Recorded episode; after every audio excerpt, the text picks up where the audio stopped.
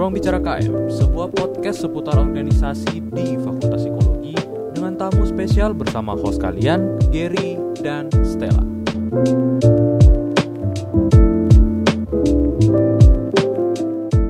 Selamat datang semuanya di segmen kali ini Rubik Ruang Bicara KM bersama Stella dan Gary, yeay. Yeay. Akhirnya Segmen ya. ini kita bakal ngapain aja sih, Ger? Jadi eh, Rubik ini adalah segmen baru dari podcast Horizon eh, yang akan ngebahas mengenai eh essentially ya cuma ini sih kita ngasih ngasih wadah untuk KM untuk berbicara gitu. Makanya namanya ruang ruang bicara KM.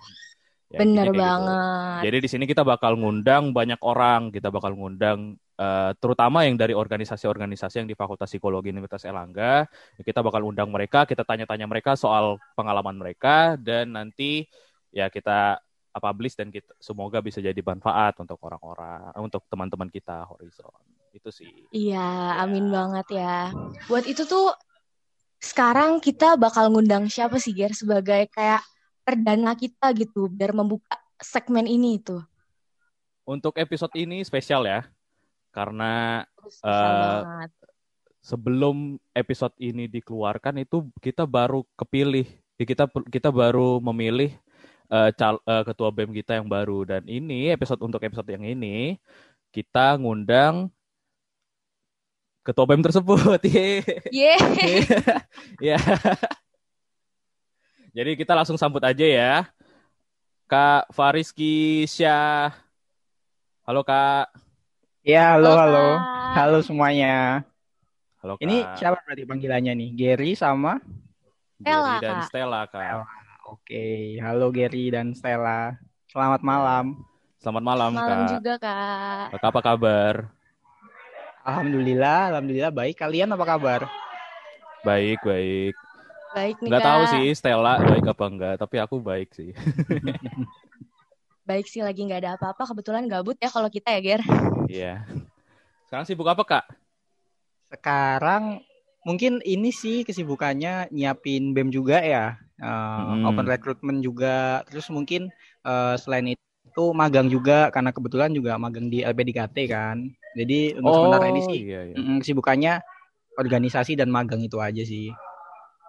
LP3T itu ini ya yang kepemimpinan itu ya. Kalau bisa dijelasin nggak, Kak? Singkat singkat gitu LP3T itu apa? Oh, sebenarnya LP3T itu unit terapan di Fakultas Psikologi yang memang berfokus pada eh, rekrutmen. Hmm, Jadi memang eh, kegiatannya mayoritas tentang rekrutmen karyawan melalui perusahaan-perusahaan tertentu. Terus mungkin eh, apa ya? Misalnya kita melakukan asesmen juga di atasannya untuk penilaian. Rata-rata seperti itu Hmm. sih kegiatannya. Oke, oke. Berarti selain menyiapkan BEM kita yang baru, Kak Rizky juga magang ya sekarang ya. Wow, sangat sibuk. Beda sekali dengan Iya. kita, Stella dan Gary. Waduh, kalau dibahas itunya kayaknya gimana gitu. Boleh nggak nih kita tanya-tanya? Kan ini segmen kita tentang organisasi gitu kan, Kak. Boleh nggak kalau kita tanya-tanya tentang organisasi-organisasi yang lagi ada kakak gitu di dalamnya? Gimana, Kak? Organisasi yang lagi ada saya. Maksudnya gimana nih? Kayak, aduh jadi belibet ya, Kak. Kayak BEM dan lain-lain yang kesibukan-kesibukan kakak sekarang. Karena mungkin teman-teman Horizon tuh kepo juga gitu, Kak. Kayak BEM tuh apa sih? Kan kita angkatan 20 yang baru masuk, nggak pernah ngelihat langsung kan, Kak. Bahkan kayak eh, universitas kita tuh Hmm. bentuknya kayak gimana. Mungkin pada kepo BEM psikologi tuh Hmm. apa dan lain-lain. Jadi emang di sini kita pengen tanya-tanya soal itu gitu ya kan, Ger? Iya, jadi memang podcast ini memang dikhususkan untuk ya ngebahas tentang organisasi di fakultas gitu kak. Dan ya kami ngundang kakak untuk memperkenalkan ya yang khususnya BEM sih, khususnya BEM di sini gitu. Hmm. Mm-mm. Oke langsung aja ya kita ya. Stel. boleh langsung aja. Mm-mm. Em, BEM Oke, itu oke. apa sih Kak? Kayak tugas BEM dalam Fakultas Psikologi itu apa sih Kak? Mm-mm. Jadi eh, sebenarnya eh, sesuai singkatannya ya, mungkin karena BEM itu sendiri badan eksekutif, Jadi memang berbeda dengan legislatif karena legislatif kan melakukan pengawasan ya terhadap eksekutif terutama. Uh, sementara eksekutif memang uh, melakukan kegiatan-kegiatan yang mungkin intinya lebih ke pengembangan dari teman-teman semua, utamanya KM Psikologi UNER melalui program-program kerja yang kita laksanain, semisal untuk uh, apa ya untuk untuk pengembangan diri mungkin bisa melalui pengkaderan yang teman-teman juga udah lewatin pasti. Terus hmm. mungkin uh, untuk minat bakat kita juga biasanya ada Cup cuman mungkin untuk tahun kemarin uh, sementara terhambat ya karena pandemi juga jadi memang rata-rata seperti itu sih berfokus pada uh, pengembangan KM juga utamanya KM psikologi UNER Oh, jadi kalau misalnya dibandingin sama SMA nih Kak, BEM itu semacam OSISnya hmm. gitu ya Kak? Iya, iya, betul. Betul. Hmm. Mungkin kurang seperti itu ya kalau SMA ya. Iya, kalau SMA itu biasanya OSIS ya. OSIS atau yeah. ya OSIS. Uh -uh. Uh, kakak tadi sempat singgung mengenai ini ya BEM di pandemi. Nah, menurut kakak gimana sih kayak cara meng, uh, kayak BEM BEM itu kan uh, essentially kan dibuat untuk kegiatan yang offline gitu kan kak ya. Nah, sedangkan betul, kita betul, sekarang betul. ditaruh di situasi di mana kita harus online semua. Nah, menurut kakak mm-hmm. apa sih? Gimana sih? Apa perubahan apa-apa aja yang kakak mau buat gitu? Atau mungkin perubahan apa-apa aja yang kemarin kakak uh, alami selama berada di BEM sebelumnya gitu kak? Oh, oke oke. Mungkin uh, semisal di BEM sebelumnya karena kebetulan belum ada pandemi juga ya. Jadi memang hmm. kegiatannya benar-benar kegiatan offline, benar-benar karena saya aku dulu tuh uh, Departemen Pengabdian Masyarakat kan uh, dua tahun lalu. Jadi emang hmm. benar-benar uh, kita uh, kita turun ke masyarakat, kita uh, melakukan edukasi ke desa binaan. Sedangkan mungkin pembedanya dengan tahun ini itu karena memang pandemi ya tadi seperti Gary juga bilang, jadinya tuh uh, memang mayoritas kegiatan harus dialihkan ke online. Jadi mau hmm. nggak mau memang bakal ada perubahan. Semisal kemarin juga teman-teman ngerasain apa pengadilan online itu kan juga iya, ibaratnya online. kalian yang baru pertama kali ngerasain kan, jadi pasti juga ada plus minusnya lah. Yaitu mm-hmm. cuman ya kalau misalkan kita mengutip kalimat itu memang hanya yang bisa beradaptasi, yang bisa bertahan. Jadi memang hmm. BEM sendiri tahun ini ya semisal kita nggak bisa beradaptasi juga ya kita juga nggak bisa membantu memenuhi kebutuhan KM. Mm-hmm. Jadi memang mau nggak mau dibikin online sih. Atau juga offline juga mungkin agak beresiko ya karena uh, iya, masih apa ya? pandemi. Ya? Mm-mm. Apalagi kalau BEM kan perizinannya harus dari dekanat juga tuh, dari psikologi. Hmm. Kan kalau misalnya kita maksain kegiatan offline kan juga takutnya nanti teman-teman yang ikut itu malah jadi kena corona kan juga susah juga.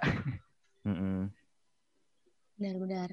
Bu, kalau boleh tanya nih Kak, tadi kan Kakak sempat menyinggung soal uh, kegiatan Kakak di BEM yang periode tahun lalu Kak. Boleh nggak sih diceritakan pengalaman organisasi Kakak sampai Kakak sekarang bisa jadi ketua BEM ini Kak? Oke. Jadi apa ya? Mungkin kalau pengalaman organisasi memang rata-rata di lingkup fakultas saja sih kalau dari aku.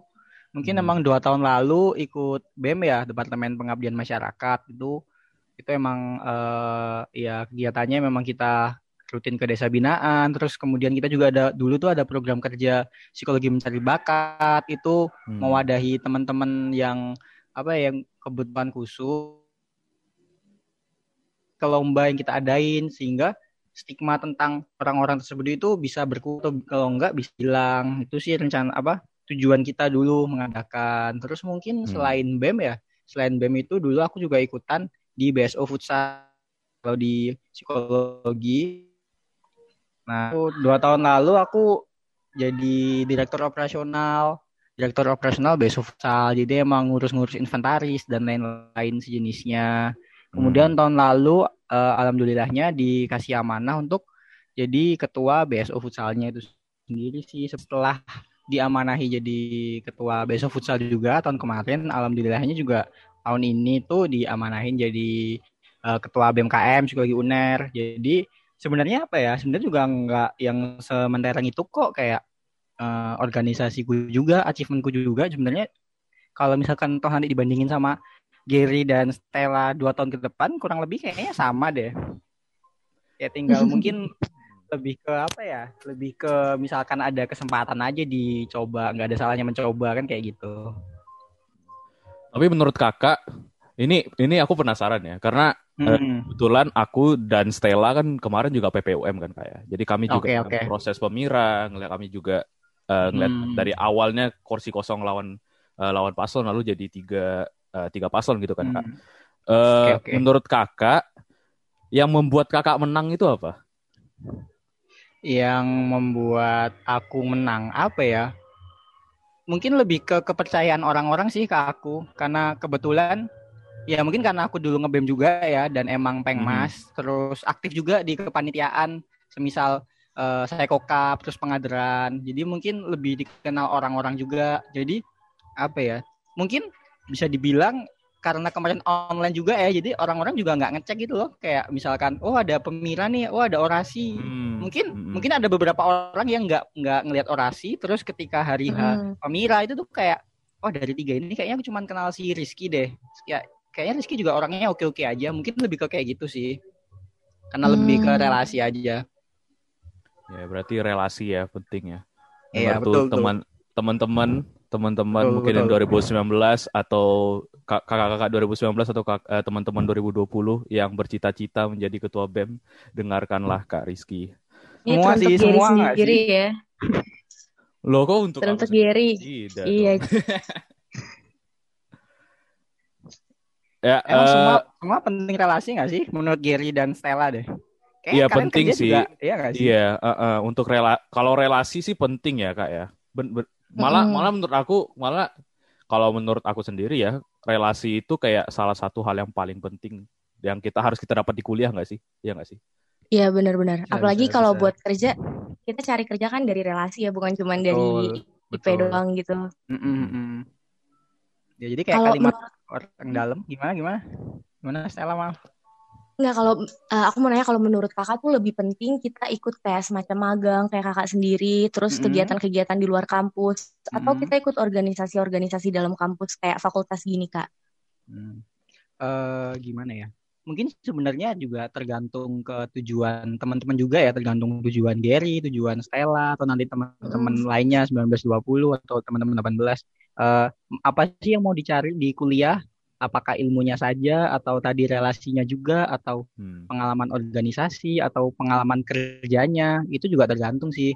Cuman mungkin eh, kalau misalkan dengerin dari kata-kata orang ya, maksudnya alumni-alumni yang sudah lulus juga itu memang eh, kalau diurutin secara timeline itu memang eh, idealnya itu tahun pertama atau tahun kedua tuh kalian eh, ikut organisasi dulu, ikut organisasi, kalian belajar tentang gimana sih cara berhadapan dengan orang yang mungkin bahkan berbeda pendapat dengan kita, cara kita mengatasi itu.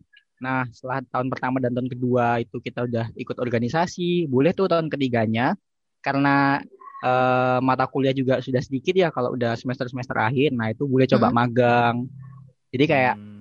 kita udah dapat ilmu nih, ilmu bekerja sama dengan orang lain, terus eh, menghargai perbedaan pendapat dan jenisnya di organisasi. Kemudian kita ikut magang, kita udah istilahnya budayanya nggak jauh beda lah. Jadi kita bisa nggak terlalu harus benar-benar mulai dari nol. Itu sih mungkin kalau saran dari orang-orang juga. Hmm, Jadi semuanya tetap benar. penting. Oke oke berarti ya memang dari memang disarankan untuk kita kita semua kayak angkatan 2020 angkatan 2019 ya memang kita organisasi dulu ya Ya, dari orang-orang. Mm-mm. Mm-mm. Sebenarnya toh juga Ngomong- cari magang juga susah nggak sih? Maksudnya kalau masih semester awal kan terbatas juga. Iya, heeh. Iya benar sih kak. Hmm. Apalagi online gini semakin Iya, sulit. bener. Bener tuh. Eh, ngomong-ngomong kak soal organisa- organisasi, eh, BEM BEM KM Kabinet Sedarma. Eh, Hmm. Sedarma itu dari mana kak? Sedarma itu kata Sedarma itu dari mana? Iya kayaknya Ah, unik sedap. banget gitu kak kata-katanya. Sedarma tuh dari dua kata bahasa Sanskerta. Eh, sedarun sama adarma.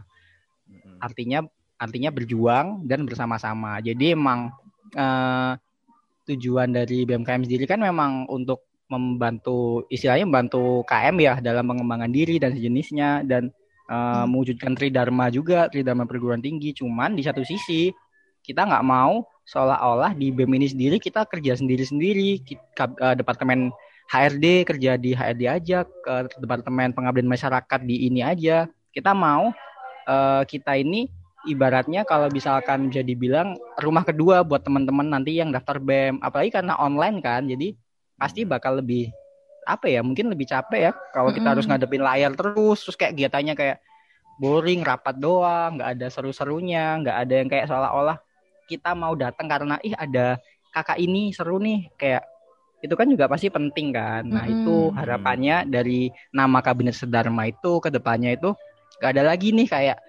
di BEM gak ada lagi kayak kata aku, gak ada lagi kayak kata kamu, yang ada kata kita, kita bersama-sama mewujudkan eh, cita-cita uh, yang mau kita wujudkan itu. Ya keren banget sih arti iya, namanya yeah, yeah. ya Ger. Iya keren banget. Terus, Berarti harapannya, uh, soal... ya setelah lanjut jalan. Nggak harapannya gimana Ger? Uh, ya berarti harapan kabinet Sidarma ini bisa menjadi organisasi yang semacam keluarga gitu ya berarti ya? Betul betul. ya. betul. Kita tetap apa ya uh, kita tetap istilahnya profesional, cuman kita juga nggak boleh melupakan istilahnya kerekatan itu sendiri, engagement kita dengan anggota-anggota lain juga perlu dijaga karena itu juga apa ya mungkin yang bikin kita juga makin semangat untuk berkegiatan kan. Kalau kita nggak ada kayak aku males ah ketemu orang ini kan juga pasti nggak maksimal itu sih. Hmm, ya benar-benar terus nih kak uh, uh, boleh nggak sih kak diceritain departemen-departemen apa aja yang ada di kabinet Sedarma ini? Kan kalau nggak salah ada departemen hmm. baru ya kak yang nggak ada sebelumnya. Iya iya betul betul. Hmm, boleh dijelasin nggak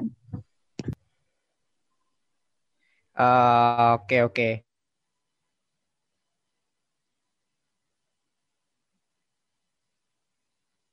Jadi uh, di tahun ini ya men departemen Akesma. Jadi uh, Akesma ini sendiri memang uh, sebagai wadah untuk internal KM utamanya untuk internal KM dalam dalam misalkan urusan-urusan advokasi kemahasiswaan misalkan uh, ada teman-teman nih teman-teman apa ya teman-teman KM psikologi yang mungkin terdampak bencana atau mungkin uh, masalah finansial itu bisa kita wadahi, bisa kita cari solusinya bareng-bareng. Terus mungkin uh, departemen yang biasanya lagi rame nih, kalau misalkan oprek biasanya peminatnya banyak nih, departemen HRD, Human Resource hmm. Development.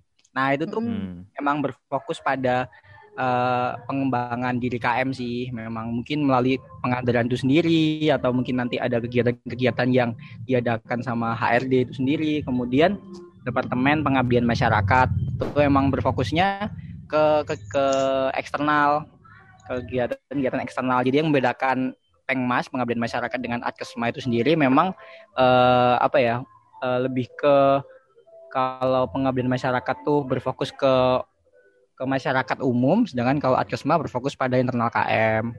Terus mungkin departemen SSD Student Scientific Development itu berfokus pada ya lebih ke keilmuan sih mungkin. Departemen yang fokus pada keilmuan. Misal kita juga uh, ada lomba-lomba tuh. Nah nanti departemen SS ini juga bantu mewadahi. Kita juga uh, bisa ngadain kelas untuk mempersiapkan teman-teman KM yang mau ikut lomba dan jenisnya terus hmm. departemen pemikat pengembangan minat bakat itu bedanya dengan SSD mereka lebih ke kegiatan non keilmuan semisal futsal basket badminton atau mungkin kalau di BSO itu apa ya uh, Tibon dan jenisnya itu tetap dibawahi sama departemen pemikat. Hmm. Itu fokus pada kegiatan-kegiatan non akademik ya bisa dibilang. Iya iya. Hmm. Terus branding ya branding itu departemen branding itu berfokus emang pada uh, membranding fakultas kita. Makanya departemen branding itu seringnya ngadain kegiatan-kegiatan keluar, semisal uh, salah satu proker yang paling besar Sekofest. Emang memperkenalkan psikologi UNER ke masyarakat melalui proker-prokernya. Kemudian ada kajian dan isu strategis Kastra. Nah, hmm. itu emang uh, utamanya lebih ke itu sih dari BMKM ini sendiri untuk mengkaji mengkaji isu-isu yang lagi lagi rame nih apa kita me, apa ya kita juga bisa mewadahi teman-teman nih yang mau mengeluarkan pendapat misalkan apa ya mungkin kemarin-kemarin rame RUU PKS atau mungkin uh, sejenis itu. Nah, itu nanti teman-teman Kastra ini juga berfokus di situ.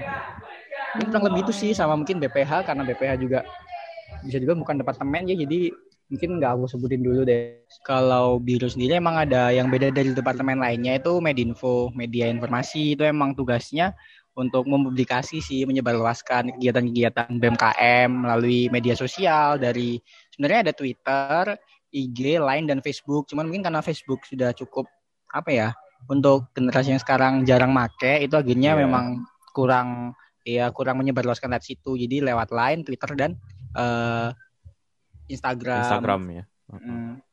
Cuman mungkin yang membedakan biro dan departemen itu lebih ke fungsinya sih. Jadi biro itu sendiri memang fungsinya lebih ke internal BMKM itu sendiri, sedangkan departemen juga menyediakan event untuk di luar BMKM, entah itu untuk KM psikologi, entah itu untuk masyarakat umum. Mungkin itu sih pembedanya. Ya ya. Menarik ya, mungkin mungkin untuk episode ke depan kita bisa ngundang kepala departemen dari ini ya kabinet ini kabinet Sendarma. Boleh, kita boleh. ajak tuh. ngobrol, kita ajak ngobrol semuanya. Bisa bisa ajak kegiatannya atau kalian kalian daftar BEM terus kalian jadi pembicara kalian sendiri juga nggak nggak apa-apa nggak sih? Waduh. Kami kurang berpengalaman sih untuk menjadi pembicara ya, apalagi di podcast kami sendiri. Sana minta kursi ya, Ger? Woi, nggak gitu dong. Oke, okay, ya. gitu, kayak gitu. Uh, ini kan ini juga lagi oprek kan kak ya? Uh, by the betul, time betul. kita recording sekarang itu lagi oprek dan mungkin uh, episode ini dipublish setelah oprek selesai sih karena oprek selesai hmm. itu tanggal 13 kan ya kak ya? Uh, di close registration tanggal 13 Iya. Yeah, Cuman opreknya tanggal 15 kan. Ha. Oh ya, course registration-nya tanggal 13. Jadi mungkin nggak bakal sempat kalau kita tanya soal oprek. Tapi yang ah. ingin ditanyain itu dari dari aku ya. Hmm. Uh, orang seperti apa yang kakak cari cari untuk BEM ini menurut hmm. kakak? Oke oke. Ini mungkin lebih ke general ya karena kalau orang seperti apa yang spesifik kan tergantung kebutuhan departemen dan mungkin yeah, aku belum uh. bisa jawab juga ya. Mm -hmm. Sebenarnya yang utama dan yang paling penting bertanggung jawab karena memang uh, kegiatan online kan jadi memang istilahnya kita juga nggak bisa nih kalau misalkan offline kan misalnya uh, Gary nih Gary ngebem terus kayak performanya hmm. kurang kita bisa nih langsung datengin Ger performamu kok gini sih kok menurun kenapa nih solusinya apa Hmm, kalau iya. online kan juga nggak bisa kan. Kita, hmm. ibaratnya kita ngechat deh. Kita ngechat juga bisa jadi ya udah didiemin atau yeah, di blog hmm. atau apa. Ya itu. Jadi emang hmm yang pertama bertanggung jawab dan yang kedua jelas komitmen karena ini kan juga istilahnya satu periode ke depan kan dan mm. mostly juga kegiatan online jadi memang diharapkan komitmennya benar-benar bisa dijaga entah misalkan misalkan ternyata teman-teman pun mau ikut kegiatan di luar maksudnya kepanitiaan itu sebenarnya dari aku sendiri nggak ada masalah cuman memang uh, komitmennya harus benar-benar dijaga jadi bukan berarti kalian ikut kepanitiaan terus kalian kabur dari BEM-nya istilahnya kayak gitu Mm-hmm. Ya lebih ke itu sih, utamanya lebih ke tanggung jawab dan komitmennya.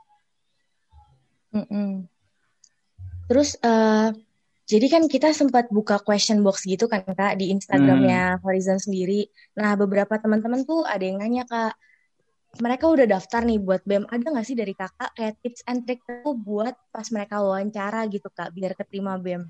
Mm tips dan triknya ya untuk wawancara. Sebenarnya lebih ke apa ya? Lebih ke jadi diri kalian sendiri sih. Karena itu yang bakal apa ya? Ibaratnya kalau kalian faking good ketika di wawancara, ketika kalian pura-pura baik, terus si pewawancaranya ngerasa oh orang ini bagus banget, itu bakal justru bakal jadi tekanan tuh buat teman-teman semua. Jadi ya cukup hmm. jadi diri kalian sendiri sih. Jadi semisal pun kalian nanti terpilih itu memang benar-benar diri kalian. Jadi kalian nggak bakal merasa tekanan-tekanan lain. Ya lebih ke itu sih. Nggak nggak nggak yang benar-benar harus baca ini harus harus apa ya harus cari di YouTube nih interview kayak gimana. Enggak sama kita santai kok. Yang penting tetap berkomitmen. Oke oke berarti intinya tadi komitmen dan uh, tanggung, tanggung jawab, ya? jawab. Ya? betul tanggung jawab Ya. Soalnya ini apa beberapa teman-teman di terutama di Horizon ya kak yang angkatan hmm. 2020 kan benar-benar ada yang baru kuliah ini berorganisasi gitu kan. Hmm, hmm, hmm. Dan Mm-mm. dan itu juga jadi pressure gitu sih. Kalau Hmm. menurut kakak, eh, apakah apakah berpengaruh? Apakah kayak apakah eh, orang-orang yang sudah berorganisasi sebelumnya itu kayak bisa lebih dipertimbangkan daripada orang-orang yang eh, baru mau memulai organisasi gitu? Kalau menurut kakak gimana? eh mungkin emang pengalaman jadi nilai lebih ya mungkin cuman memang eh, kompetensi sendiri memang nggak bisa dinilai dari pengalaman aja kan maksudnya ibaratnya kita ambil contoh nih misalkan Gary ternyata dulu pernah ikut osis cuman ternyata kinerjanya Gary di osis itu juga nggak bagus-bagus amat itu kan juga bisa jadi tanda tanya juga nih ke kita kok bisa kayak Mhm. gini nih si Gary Mhm. Nah, itu juga bisa jadi pertanyaan sih jadi apa ya mungkin pengalaman itu nilai plus cuman pengalaman sendiri juga bukan satu-satunya eh, nilai yang kita cari, bukan satu-satunya kompetensi yang kita cari. Kalau memang ada orang yang ibaratnya nggak punya pengalaman, tapi dia istilahnya ada kemauan untuk belajar, itu benar-benar sangat penting untuk ada. Maksudnya, semisal orang itu nggak ada apa ya, mungkin kurang di ilmu, tapi dia punya kemauan tinggi, ilmu itu bisa dicari. Cuman kalau misalkan dia nggak ada di kemauan, nah itu kan yang juga susah ya selama setahun ke depan dia kayak ah ngapain sih, ah ngapain sih, itu sih. Jadi nggak nggak terlalu penting kok sebenarnya. Hmm. Oke, oke. Jadi ini bisa juga buat teman-teman yang masih belum pede nih karena nggak punya pengalaman nih kata Kak Rizky bahwa Hmm. yang penting tuh emang kemauan ya Kak dan niat dari Benar, kita benar. sendiri bukan cuman sekedar pengalaman. Benar, benar. Keren-keren. Ya benar-benar banget keren-keren. Eh, Oke mungkin Eh, ini Nih, Gimana Ger? gimana Stel? Eh, kalau boleh nanya nih Kak, dari BEM Kakak yang sekarang, ada nggak Ya. Kak dari BEM tahun lalu yang pengen Kakak ubah di BEM yang Kakak pimpin sekarang gitu? eh mungkin mungkin kalau dibilang diubah mungkin nggak ada yang secara drastis ya karena kebetulan BEM tahun lalu juga eh kinerjanya juga bisa dibilang sudah maksimal ya. Apalagi mereka ibaratnya di tengah jalan menghadapi sesuatu yang mungkin mereka bahkan nggak pernah mempersiapkan seperti pandemi kayak gini. Jadi mungkin kita lebih ke apa ya meneruskan tapi tetap melakukan peningkatan. Karena mungkin kemarin kegiatan-kegiatannya istilahnya eh masih ada yang bisa di per apa ya diperbagus dari evaluasi-evaluasi yang kemarin. Cuman mungkin untuk secara spesifik yang mau aku ubah sih kurang lebih nggak ada sih. Oke oke, jadi kayak dikembangkan aja gitu ya kak, yang Betul, sudah baik betul. ditambah baik gitu. Oke Betul. oke.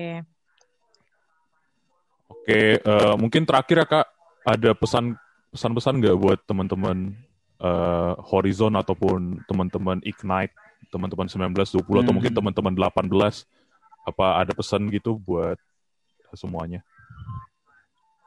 Eh, mungkin pesannya lebih ke apa ya? Semangat ya mungkin semangat terus apalagi teman-teman 8 apa 19 kemarin juga eh 20 ya 20 kemarin baru ngerasain tuh pertama kali KRS-an gimana Iya. ribetnya segala macam itu mungkin semangat buat ke depannya terus semangat juga eh, apa pun nanti ke kegiatan yang teman-teman bakal ambil mungkin eh, apa ya lebih ke dipersiapkan sih. Misalkan teman-teman mau ngebem dipersiapkan tuh mungkin apa-apa aja yang mau di dibutuhin di BEM. Atau mungkin teman-teman mau magang misalkan ini ada teman-teman 18 mau magang bisa dipersiapkan lebih dini. Mungkin lebih ke itu sih semangat terus buat ke depannya. Mungkin eh, jangan lupa daftar BEM itu yang utama tuh. Gary ini ada Oh. Gary oke ada Stella. Ya aku tandain kalian. Kalau nggak lihat nama kalian udah nih kecewa. Waduh, Siap, kacau nih, siap. kacau. Siap-siap. Oke deh, Oke. makasih kak. Makasih banyak ya Kak Rizky. Oke. Udah jadi narasumber Iya. kita di episode pertama ini. Sukses Oke, terus Kak terima kasih untuk banyak. ketua BEM, Mm-mm. jadi ketua Ya, BEM dan ya. untuk kabinet Sedharma, semoga sukses ke depannya. Ya, terima kasih banyak. Terima kasih banyak Stella, Gary. Bantu suksesin ya, ditunggu. Siap, siap. Siap Stella, banget, Kak. siap ya Stella ya. Siap, Sa. Oke. Mungkin ini ya, keren banget ya. Kita ini apa sih aku mau ngomong apa sih? bisa. Pokoknya keren deh.